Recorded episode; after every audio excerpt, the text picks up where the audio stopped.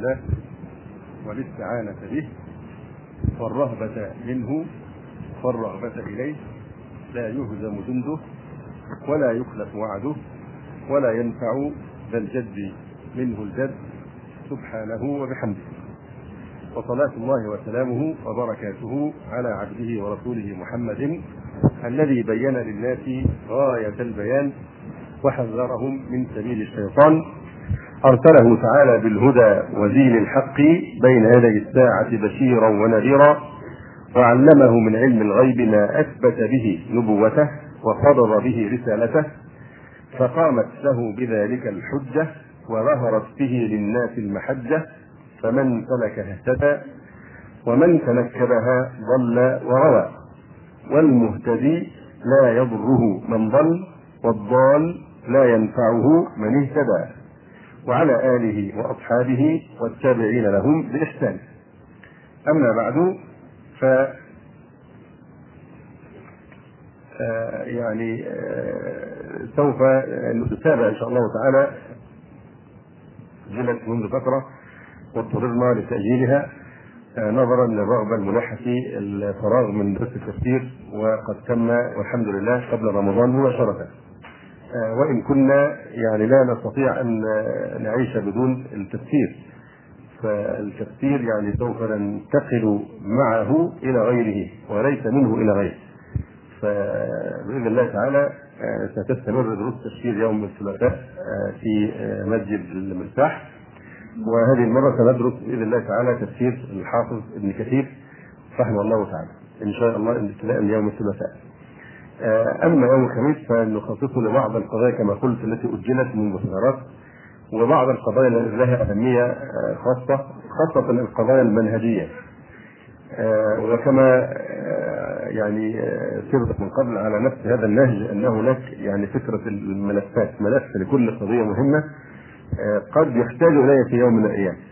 الآن نحن نتطلبها لأنها من العلم الذي ينبغي أن نستوعبه لكنها ربما توجد ظروف تشتد فيها الحاجة إلى الالمان بالموقف الصحيح من هذه يعني القضايا. فبإذن الله تعالى في خلال أسبوعين أو أكثر أقصد ثلاثة أسابيع أو أكثر سنمر على قضية المهدية في الإسلام. وفي الحقيقة هذه القضية لها ارتباط وثيق جدا بالواقع الذي نعيشه بل بالماضي الذي مرت به الأمة بسبب التخبط في هذه القضية يعني الحساسة. قضية المهدية تفجرت في الأزمنة الأخيرة ابتداء من حادثة الحرم في مطلع سنة 1400 من الهجرة ومنذ ذلك الوقت صارت حديث الخاصة والعامة ولكن إذا عدنا إلى التاريخ القريب والبعيد نجد أن هذه القضية بين وقت وآخر تطرق الباب وتلح على العقول وذلك لكثرة مدعي المهدية لكثرة مدعي المهدية في أثناء تناول هذه القضية هناك موضوعات في غاية الأهمية سوف نتركها كقضايا علمية مستقلة. ثم نعرج على أهم حركات مدعي المهدية ونناقشها بالتفصيل ونستخلص العبر منها. إلا أن الملاحظ أن فكرة المهدية راودت كثيرا من الشخصيات خلال عهود متعددة. في بعض الحالات يعني الدوافع كانت تتفاوت في الحقيقة. لكن يعني يعني في كثير أو في بعض الحالات ظلت المهدية تمثل محورا هاما في حركات المقاومة للظلم والاضطهاد. باعتبار أن المهدي المنتظر هو المنقذ الموعود وأنه الذي سيملا الأرض قسطا وعدلا بعد أن ملئت ظلما وجورا. تلقفت بعض الفرق الإسلامية فكرة المهدية، إن فكرة المهدية ثبتت في الأصل من حيث الأدلة بأحاديث صحيحة عن النبي صلى الله عليه وسلم. إلا أن هذه الفرق تجاهلت الضوابط التي يحكم بها على سبيل القطع أن فلانا نفسه هو المهدي المنتظر. الهدف في الحقيقة الاساس من تناول هذه القضية أن نعرف هذه الحقيقة كيف تحكم على شخص قطعا بأنه المهدي المنتظر سأتلو عليكم الآن مؤقتا عبارة احفظوها جيدا آه، ولو لم تخرجوا من الدرس كله إلا بهذه في وقتها تستفيدكم إن شاء الله تعالى. مر رجل أو جاء رجل إلى سفيان الثوري رحمه الله تعالى فقال له قد أكثر الناس في المهدي فما تقول فيه؟ قد أكثر الناس في المهدي فما تقول فيه؟ فرد عليه سفيان الثوري رحمه الله تعالى فقال إن مر ببابك فلا إن مر ببابك وأنت داخل داخل بيتك فلا تكن منه في شيء حتى يجتمع عليه الناس إن مر ببابك فلا تكن في شيء منه حتى يجتمع عليه الناس آه هذا الموضوع فيه شجون كثيرة جدا آه وجراح وآلام. آه سوف نتكلم عنها لأن الآن بعض الناس قد تصور إن هذا موضوع بعيد عن الواقع. لا الموضوع ملح وبصورة أو بأخرى يظهر في مكان أو في آخر. بل هناك من الكتب الآن شحنت فيها الأسواق وقد بلغ التخريف مداه إن حتى إن بعض الناس للأسف الشديد المفروض أنهم متخصصون في العلوم الشرعية يؤلفون الكتب ويا للهوج ترى من يرشحون لأن يكون المهدي المنتظر الآن؟ صدام حسين. تخيلوا إن إن يصل الأمر إن الكلام على صدام حسين أنه المهدي المنتظر يا للمصيبة. صدام حسين الجزار البعثي تلميذ ميشيل عفلق الذي يعني أقام المذابح للمسلمين الأكراد ووحشيته وعداوته للإسلام. يعني يصبح ويرفع بعض يرفع بعض الناس عقيرتهم بأن صدام حسين هو المهدي المنتظر وبعضهم يجعله السفياني الوارد في بعض الأحاديث الضعيفة وإلى آخر هذه الخرافات. كثير ممن تكلم في هذه القضية وما زال يتكلم. تكلموا متأثرين بعوامل يعني أجنبية عنه اما متأثرين بتقليعه جديده الآن وهي الاعتماد على كتب اليهود والنصارى الإسرائيليات. ولا يستحيون من تناول الإسرائيليات كانها وحي منزل معصوم. وكأنه ما حصل تحديث في هذه الكتب. وبعضهم يستعمل عبارة الكتاب المقدس بمنتهى التوقير والاحترام. حتى دون يقول مثلا كتاب مقدس عندهم لكن أنت مسلم تقول الكتاب المقدس هذا شيء يعني مستنكر. بعضهم يبني اعتقاداته على أساس مرويات الشيعة الرافضه وهم أكذب الفرق أكذب خلق الله. ومع ذلك يستبيحون لأنفسهم أن يبنوا تصوراتهم ويقتبسوها من مقالات الرافضه قبحهم الله. البعض عبث حصل نوع من العبث الشديد بأشراط الساعة وأخذ يرتب الأحداث التي تحدث في آخر الزمان بصورة أو بأخرى بناء على مثلا حساب أبي جاد اللي هو حساب الأرقام وهذا منهج ليس منهج اسلاميا تبنى عليه يعني حقائق الأمور. على أي الأحوال قد يعني لا نستطيع ان أن نتجاهل احتمالا واردا في كثير ممن يدعون المهدية. وهو أن بعض مدعي المهدية في الحقيقة يعانون من اضطرابات نفسية. وبالذات اضطرابات الإيه؟ ضلالات العظمة أو جنون العظمة. ففي بعض الناس فعلا بيكون عندهم اضطراب نفسي وهذا معروف ومثبت في بعض من ادعى المهدي بيكون كعرض نفسي وربما من حوله لا يشعر بذلك أو لا يستطيع أن يقطع بذلك. لكن هذه يجب أن نضعها في الاعتبار. تلقفت كما قلنا بعض الفرق فكرة المهدية وتجاهلوا الضوابط التي يحكم بها على سبيل القطع أن فلانا نفسه هو المهدي المنتظر وفتح باب كبير بالتأويل. يعني واحد يقول اسمه أحمد بن إبراهيم. ويدعي المهدية يقولون لا الحديث فيها أن اسمه محمد بن عبد الله اسمه اسمه اسمه اسمه اسمه اسمه أبيه اسمه أبي. فيقول أنه محمد هو أحمد. وأنا أبي إبراهيم. أليس الرسول عليه السلام ابن إبراهيم عليه السلام من نسله من نسل إسماعيل وهو ابن إبراهيم. فهكذا فتح باب يعني التأويل أيضا من أجل ذلك.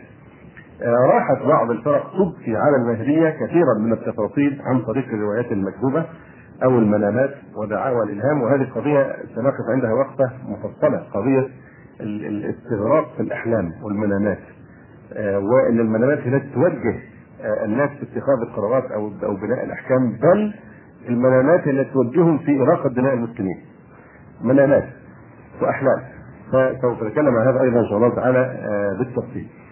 كان أيضا من هذه الأمور الخطيرة دعوى الاتصال المباشر بالرسول صلى الله عليه وسلم.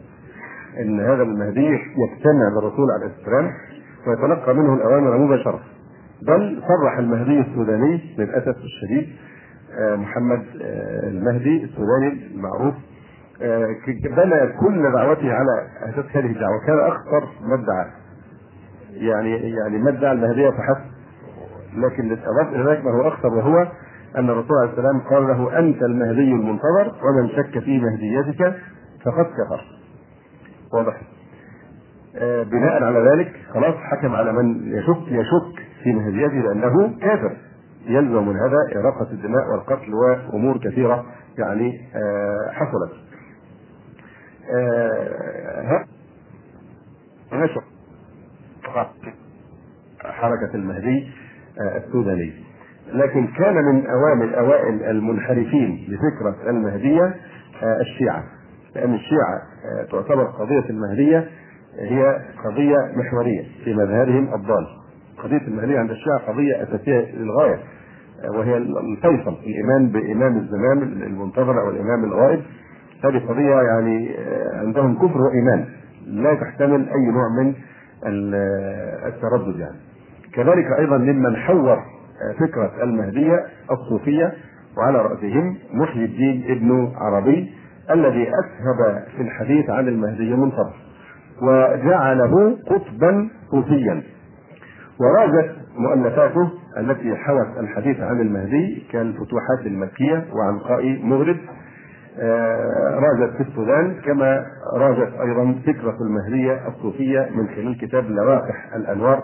في طبقات الأشرار لعبد الوهاب بن أحمد الشعراني مما هيأ المناخ لانتشار يعني فكرة المهدية وهذا مما ما سوف نتناوله فيما بعد إن شاء الله تعالى في يعني بالتفصيل. العبر التي نأخذها إن شاء الله تعالى أو سنبت فيها في النهاية أن كثيرا ممن ادعوا المهديه كما قلنا بعضهم كان في خبل في عقله فعلا كما قال بعض العلماء في حق أحدهم أناس خف عقلهم خف عقلهم. فالناس اضطرابات نفسية تكون موجودة في بعض من يدعون المهدية وقد لا يتلفت لا ينتبه لذلك من حوله. لكن يوجد ممن ادعوا المهدية وكانوا مخلصين. ولكن كما قلنا الإخلاص وحده لا يكفي. بالذات بقى إذا انضم إليه يعني لو واحد دعا المهدية وأغلق عليه بابه وانتهى حتى مات ما في مشكلة. هذا أمر يخصه. لكن أن يدعي المهدية يكسر من يشك في مهديته ويقتل ويستريح الدماء إلى آخره بناء على أنه هو المهدي فبلا شك هذه يعني في غاية الخطورة. فيوجد طائفه ممن ادعوا المهدية هم مخلصون. لكن كما قلنا لابد أن يكون الإنسان في كل أفعاله على بصيرة والنية وحدها لا تكفي. وإلا فما أكثر المخلصين الذين يلجون النار. وإذا راجعنا أخبار الخوارج واجتهادهم في العبادة وتبرعهم الزائد مع أنهم كلاب النار. أدركنا أن الإخلاص وحده لا يكفي. وكم من مريد للخير لا يبلغه. إخلاص هذا ركن. لكن هناك ركن آخر أو الجناح الآخر وهو المتابعة والإقتداء والتلقي عن النبي صلى الله عليه وآله وسلم. لعل كثيرا من من المخلصين الذين ادعوا المهدية ولعل كثيرا أيضا ممن تابعوهم. إذا طالعوا آه هذه الكثرة الكثيرة من أخبار المتمهدين وما نجم عنها من فتن لا استنبطوا العبرة من احداث التاريخ ولم كفوا عن مثل هذه الدعوة. فالتاريخ يعيد نفسه من وقت وآخر يقول واحد يدعي انه المهدي. آخر كلام من شهر أو شهرين بعض الناس تقول لك المهدي موجود الآن. وموجود في السجن أحد السجون في السعودية وسوف يخرج عن قريب إلى آخر هذه الأشياء والناس بقت تعلق على هذا الكلام وتبتهج به فبالتالي بيبدأ إيه التوجه من مضاعفات مثل هذه يعني الأفكار. كما قلت يعني آخر مرة حصل فيها تفجر لقضية المهدية في الساحة الفكرية هي عقب أحداث الحرم المكي الشريف في سنة 1400 من الهجرة فصارت حديث الخاصه والعامة.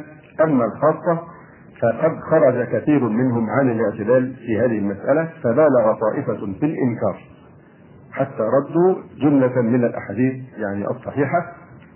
وبالغهم أو قابلهم آخرون فبالغوا في الإثبات.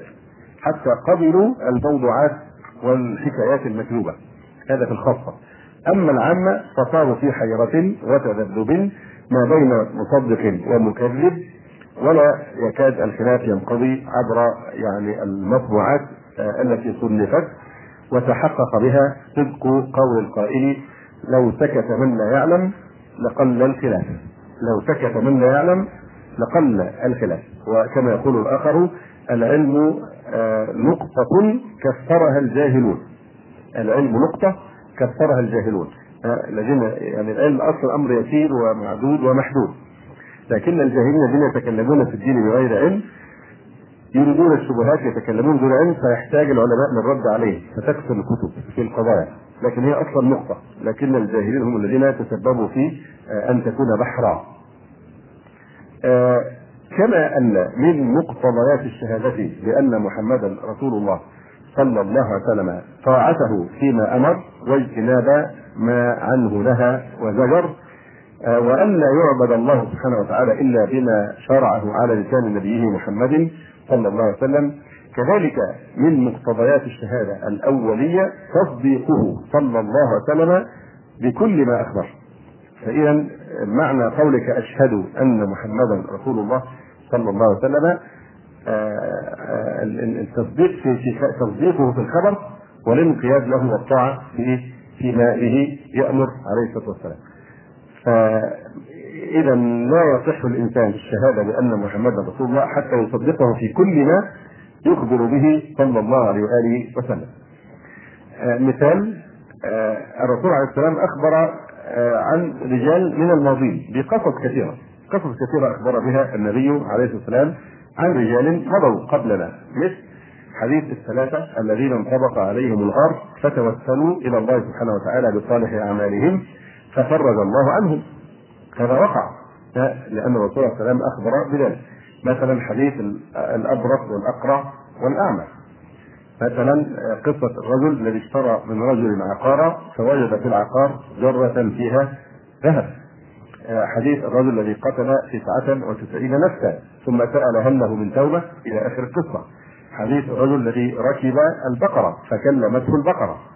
آه، والرجل الذي كلمه الذئب. هذه الأحاديث كلها في الصحيحين. كل هذه القصص التي أشرنا إليها في الصحيحين آه، كذلك حديث الرجل الذي استسلف من رجل ألف دينار. وهو في صحيح البخاري وفي مسند الإمام أحمد. كذلك هذا فيما يتعلق بإخبار الرسول عليه السلام عن أمور ماضية أو أشخاص وأحداث وقعت فيما مضى. كذلك أيضا آه، أخبر النبي صلى الله عليه وسلم بأمور سوف تقع في المستقبل. وهي لابد واقعه قطعا كما أخبر الصادق المصدوق آه، الذي لا ينطق عن الهوى صلى الله عليه وآله وسلم.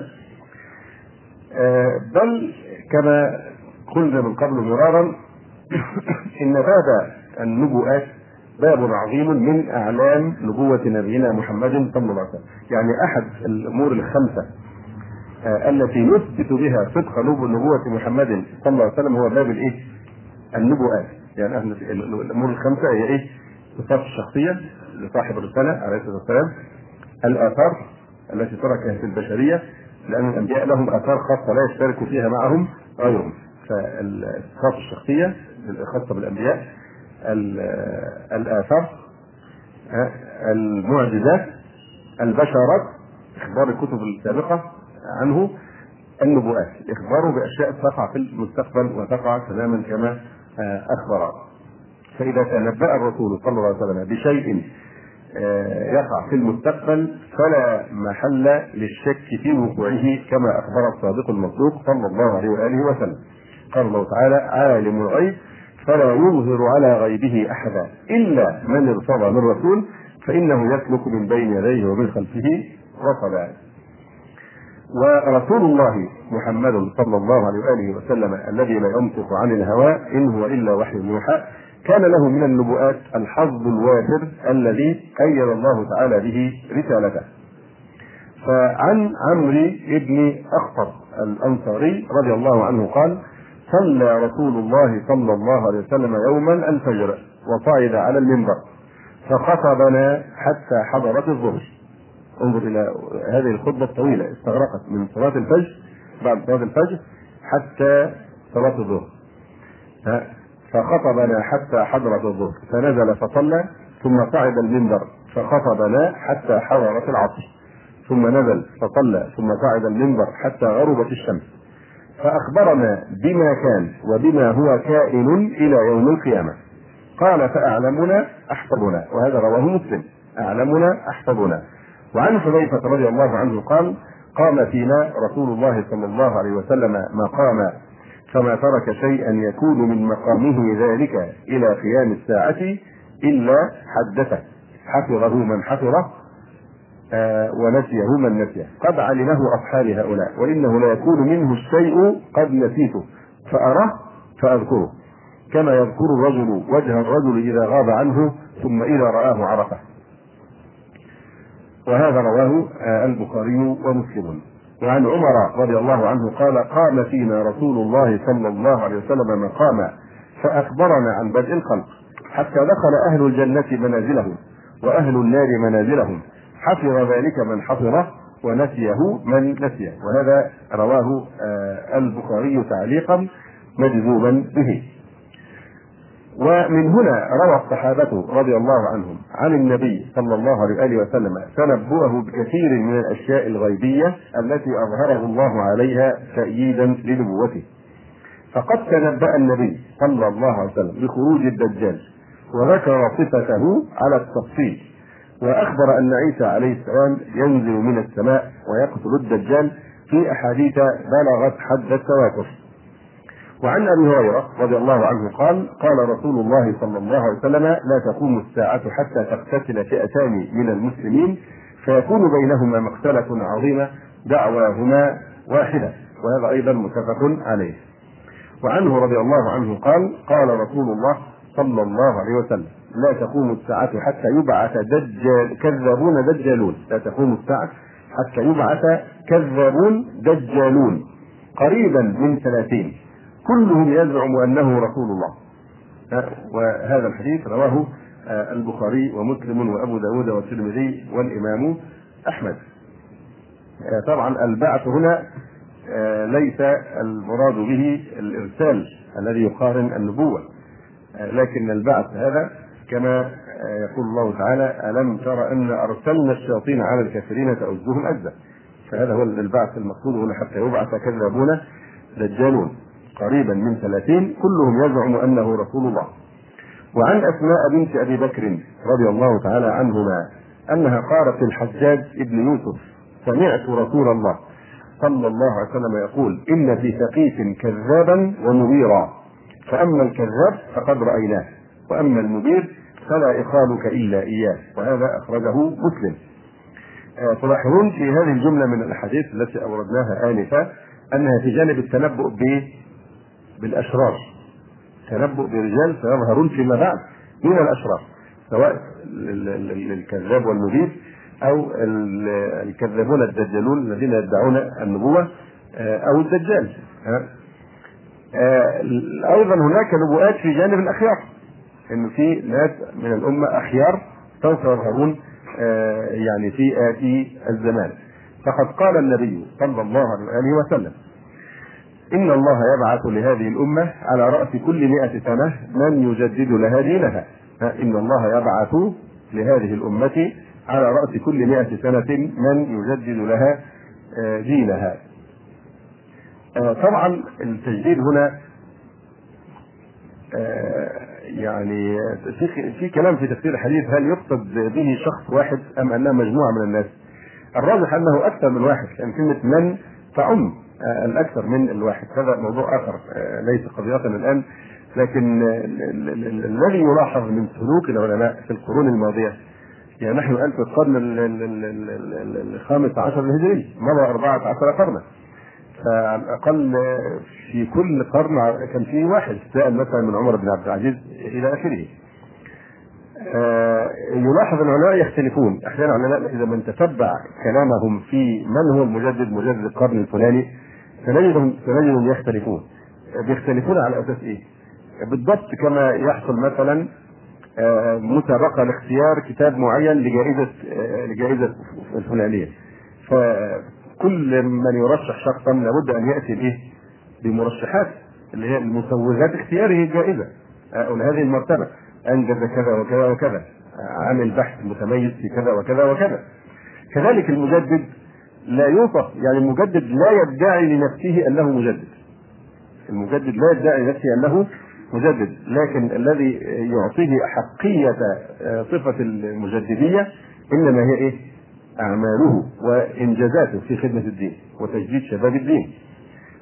بنفس الشيء المهدي المهدي مش هي... والله تعالى أعلم مش هيطلع الناس ويقهرهم بدعوى أن أنا المهدي ولا بد أن تصدقوني لا المهدي والله تعالى أعلم أفعاله هي التي ستثبت أنه المهدي. أه وربما يعني في حق والمهدي ما هو إلا مجدد من المجددين. المهدي مجدد من المجددين الذين يتكلم عنهم الحديث. واضح؟ يجددون شباب الدين. آه كما قلت المجدد لا يدعي المجددية ولا يطلب من الناس حوله أن يعترفوا له بذلك. لا ده هو ربما بعد ما يموت وربما بسنين طويلة بيبدأ الناس تنظر بقى إلى الوراء وتشوف كده مين اللي كان يستحق لقب المجدد في هذا إيه؟ العصر أو في هذا القرن. فموضوع التعامل مع قضية المهدية إن واحد يخرج ويدعي إنه هو المهدي ويبدأ الناس يتجمعون حوله تحصل المسلسلات والسيناريو المعروف المحفوظ آه هذا يعني أمر ينبغي الحذر منه. المهدي الحقيقي ما نظن أنه سوف يدعي المهدي.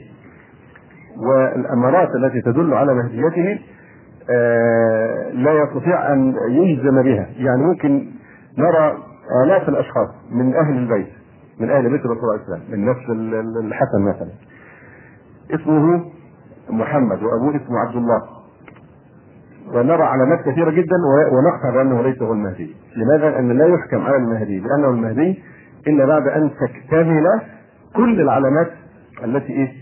أخبر بها النبي عليه السلام وبالتالي وبالذات أنه يمنع الأرض عدلا بعد ملئت ظلما وجورا أما قبل ذلك فلا عليك بشيء أنك ما تؤمن بمهديته. لا كما حصل للمهدي السوداني أنه عامل الناس على أساس هذا الوهم الذي توهمه وسوف نناقش هذا بالتفصيل في دعواه أنه يتصل مباشرة بالرسول عليه الصلاة والسلام وأنه قال له أنت المهدي المنتظر ومن خالف مهديتك فقد كفر. وسوف يعني نتكلم في بعد بالتفصيل الكبير إن شاء الله في هذه القضية.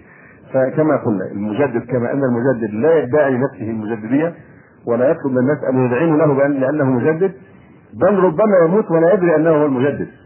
لا هو يعمل أعمال توجبها عليه الشريعة يؤدي دوره في الحياة كخادم للدين بعد ذلك يأتي الحكم بقى مجدد أم غير مجدد ولا يمكن يظهر إن كان في نفس الزمان واحد ثاني أقوى منه وهكذا. فنفس الشيء بالنسبة للمهدي. إلا أن المهدي المنتظر عنده علامات آه سوف تقطع بأنه المهدي المنتظر.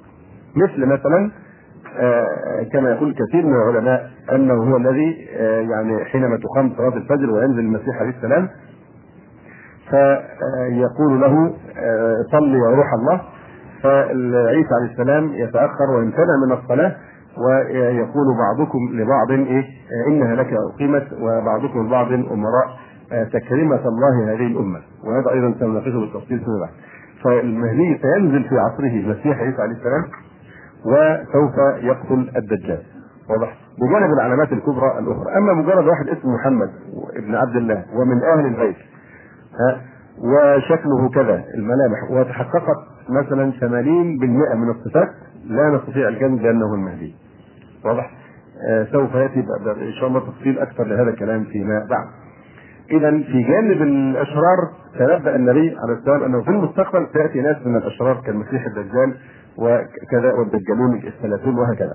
في جانب الأخيار أيضا أخبر النبي عليه السلام بأن في كل رأس 100 سنة يبعث الله لهذه الأمة من يجدد لها آه، دينها. أيضا في الأخيار آه، ممن أخبر النبي عليه السلام عنه في الحديث الذي رواه يسيف ابن جابر آه، عن يسيف بن جابر أن أهل الكوفة وفدوا إلى عمر رضي الله عنه. وفيهم رجل ممن كان يسخر بأويس القرني رحمه الله. فقال عمر هل ها هنا أحد من القرنيين؟ فجاء ذلك الرجل. فقال عمر إن رسول الله صلى الله عليه وسلم قد قال إن رجلا يأتيكم من اليمن يقال له لا يدع باليمن غير أم له قد كان به بياض. البواب مقصود هنا؟ برص فدعا الله فأذهبه عنه إلا موضع الدينار أو الدرهم. فمن لقيه منكم فليستغفر لكم. وفي رواية يقول النبي عليه الصلاة والسلام إن خير التابعين رجل يقال له أويس له والدة وكان به بياض فمروه فليستغفر لكم. وفي رواية كان عمر بن الخطاب رضي الله عنه إذا أتى عليه أمداد أهل اليمن. الأمداد جمع مدد يعني إيه؟ الأعوان الذين كانوا يجيئون لنصرة الإسلام ليدخلوا وينضموا للجيوش الإسلامية. فيقول النبي عليه الصلاة والسلام آه، نعم كان عمر رضي الله عنه إذا أتى عليه أمداد أهل اليمن سألهم أفيكم أويس بن عامر؟ حتى أتى على أويس. يعني هو عمر ما سمع عن واحد اسمه أويس بن عامر إلا من إيه؟ من الرسول عليه الصلاة والسلام فقط. لكن آه، هذا هو المصدر يعني. فكان يسأل هؤلاء أفيكم أويس بن عامر؟ حتى أتى على أويس فقال أنت أويس بن عامر؟ قال نعم. قال من مراد ثم من قرن؟ قال نعم. قال فكان بك برص فبرأت منه إلا موضع درهم؟ قال نعم. قال لك والدة؟ قال نعم. قال سمعت رسول الله صلى الله عليه وآله وسلم يقول يأتي عليكم أويس بن عامر مع أمداد أهل اليمن من مراد. ثم من قرن. كان وكان به برص فبرأ منه إلا موضع درهم له والدة هو بها بر لو أقسم على الله لأبره. يعني هذا رجل صالح لو حلف على الله سبحانه وتعالى لا أبر الله قسمه فإن استطعت أن يستغفر لك فافعل. فاستغفر لي. فاستغفر له. وهذا رواه مسلم. هنا نرى النبي صلى الله عليه وسلم. قد تنبأ برجل صالح يظهر بعد زمانه آه، وذكر اسمه ونسبه وبعض تفاصيل أحواله. وقد وقع كما أخبر الصادق المصدوق صلى الله عليه وآله وسلم لم يتخلف منه شيء فما الغريب اذا أن يخبر النبي صلى الله عليه وسلم بخروج رجل صالح من أمته خليفة عادل من أهل بيته صلى الله عليه وسلم يملأ الأرض قسطا وعدلا كما ملئت ظلما وجورا أين المشكلة في هذا؟ حتى يبني عليها الناس كثير من الأهوال ويقولون النبوة قد ختمت والمهدي المنتظر ده الإيمان به مالوش علاقة بالإيمان وإلى آخر هذه الأشياء التي حصلت من بعض الناس. آه، ما المشكلة؟ هذا رجل من الأخيار الذين أخبر عنهم النبي عليه الصلاة والسلام. لا هو يدعي نبوة ولا في أي شيء غير عادي. المهدي ما فيهوش أي شيء غير طبيعي. ده خليفة من الخلفاء الراشدين. كما جاء في الحديث إيه؟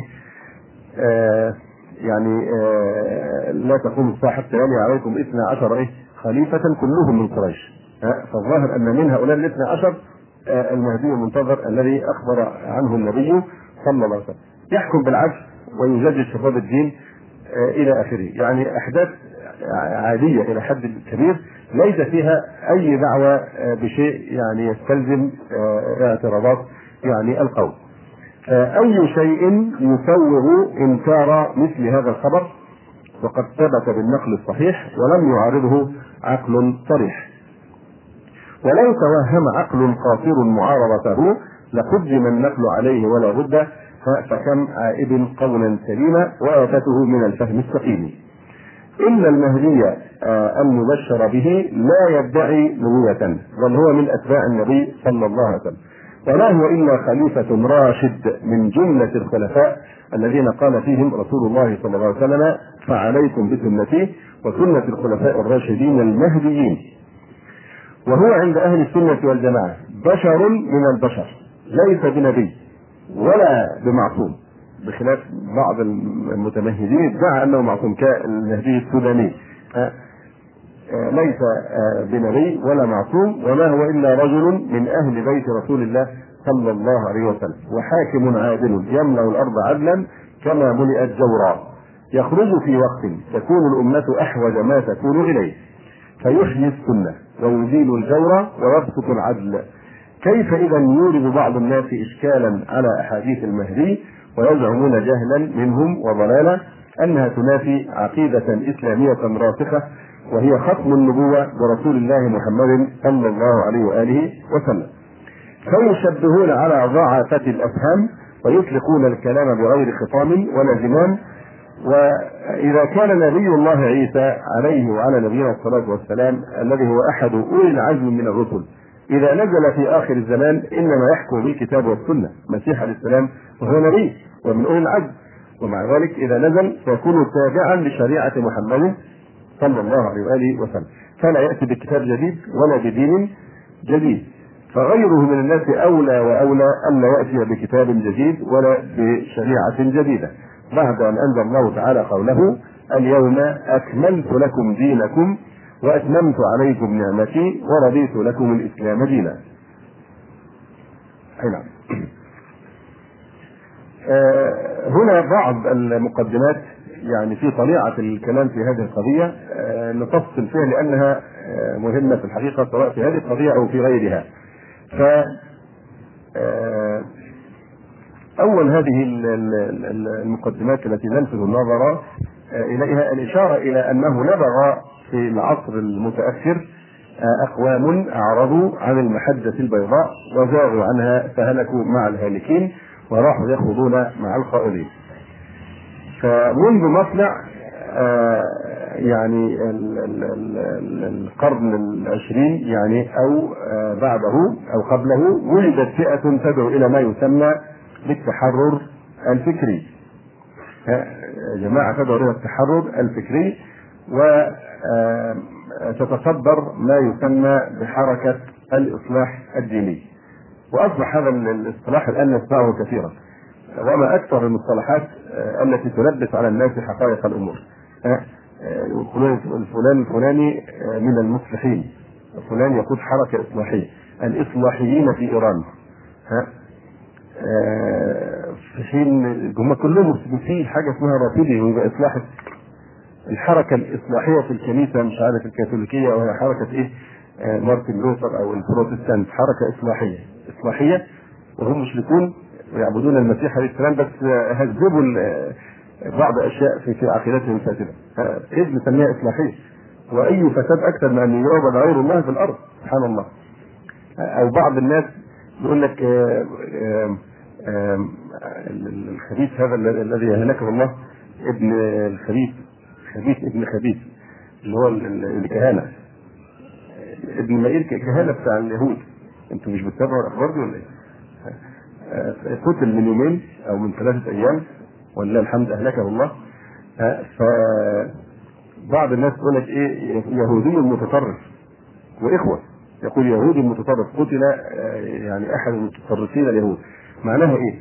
معناه إن اليهود فيهم متطرفين وفيهم معتدلين فهذا إحنا نتاثر بالواقع الإعلامي حولنا دون أن نشعر يعني ونردد بلا وعي مصطلحات المفروض ان إحنا نرفضها فهل يوجد يهودي غير متطرف؟ من المعتدل الوحيد؟ المعتدل الوحيد في العالم كله المسلم اولا ثانيا اللي هو من أهل السنة والجماعة هذا هو المعتدل لكن التطرف درجات فبلا شك من كان داخل دائره الإسلام مع كونه من غير أهل السنة والجماعة أو منحرفا عنهم أخف. فكل من كان خارج دائره الإسلام فهو قطعا متطرف. ان إيه التطرف؟ التطرف ال ال ال ال الأخذ بأطراف الأمور.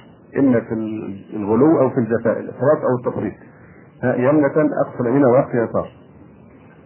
ولا يكون هناك تطرف إلا إذا كان هناك وسط. فهو متطرف بالنسبة للوسط.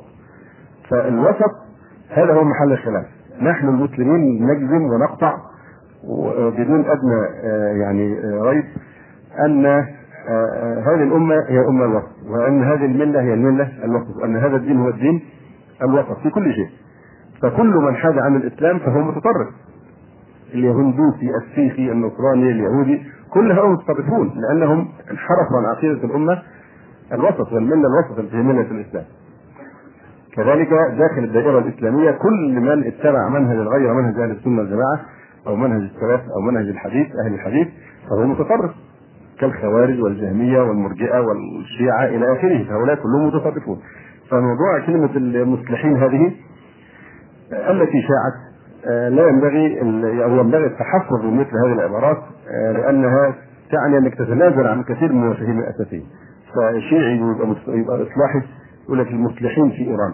والمصلحين دول يقصدون العلمانيين اللي هم يعني يراهدون الآيات آياتهما على أي الأحوال من الاصلاحات الخطيرة أيضا في هذا المجال الاصلاح اصطلاح الإيه؟ الاصلاح يعني الديني. ما هو الدين؟ ما هو الدين؟ الدين هو وضع إلهي. الدين الذي وضعه الله سبحانه وتعالى وشرعه الله. فالدين وضع إلهي سائق لذوي العقول السليمة لما فيه صلاح دنياهم وسعادة آخرتهم. هذا هو الدين باختصار.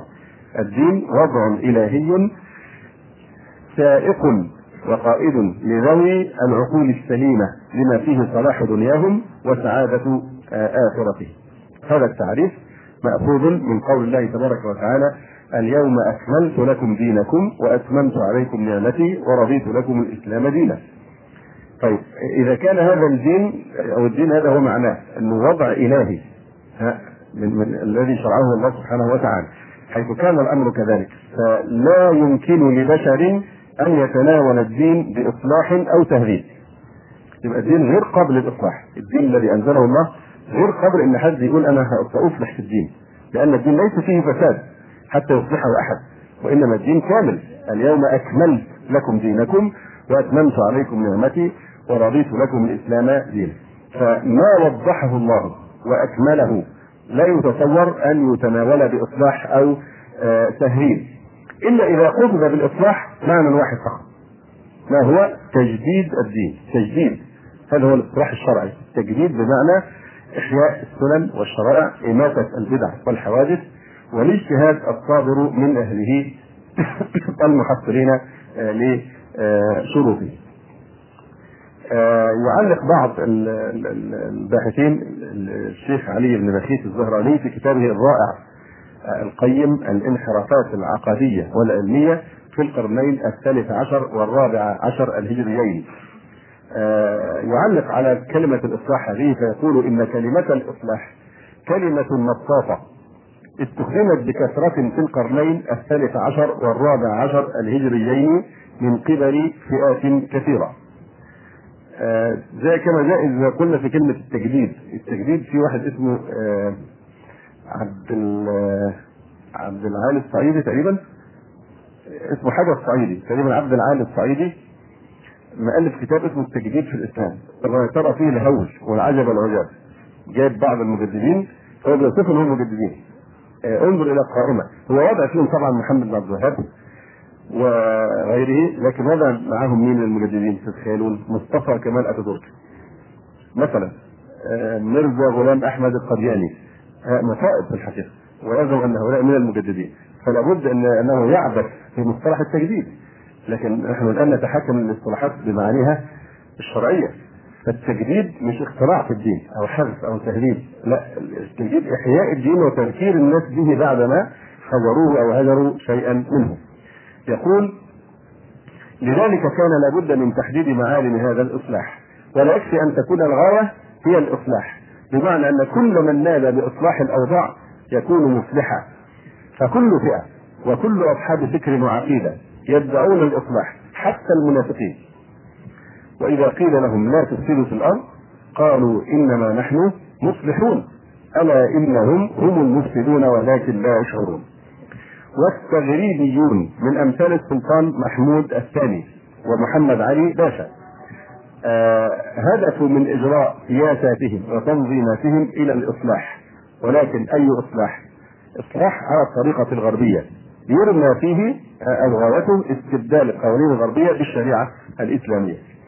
آه، جمال الدين الأفغاني ومحمد عبده هدفا إلى الإصلاح واعتبرا مصلحين عظيمين ولكنه إصلاح على حساب المعتقدات الدينية ولصالح الاستعمار والغرب. القوميون العرب من نصارى وغيرهم كانوا يسعون إلى الإصلاح بحسب منهجهم فقاوموا الترك وحاربوهم لأجل ذلك. فلا بد من تحديد مفهوم الإصلاح الذي هدفت إليه جميع الحركات الإصلاحية واعتبرته غايه لها. فالإصلاح مصطلح قرآني. قال تعالى على لسان نبي شعيب عليه وعلى نبينا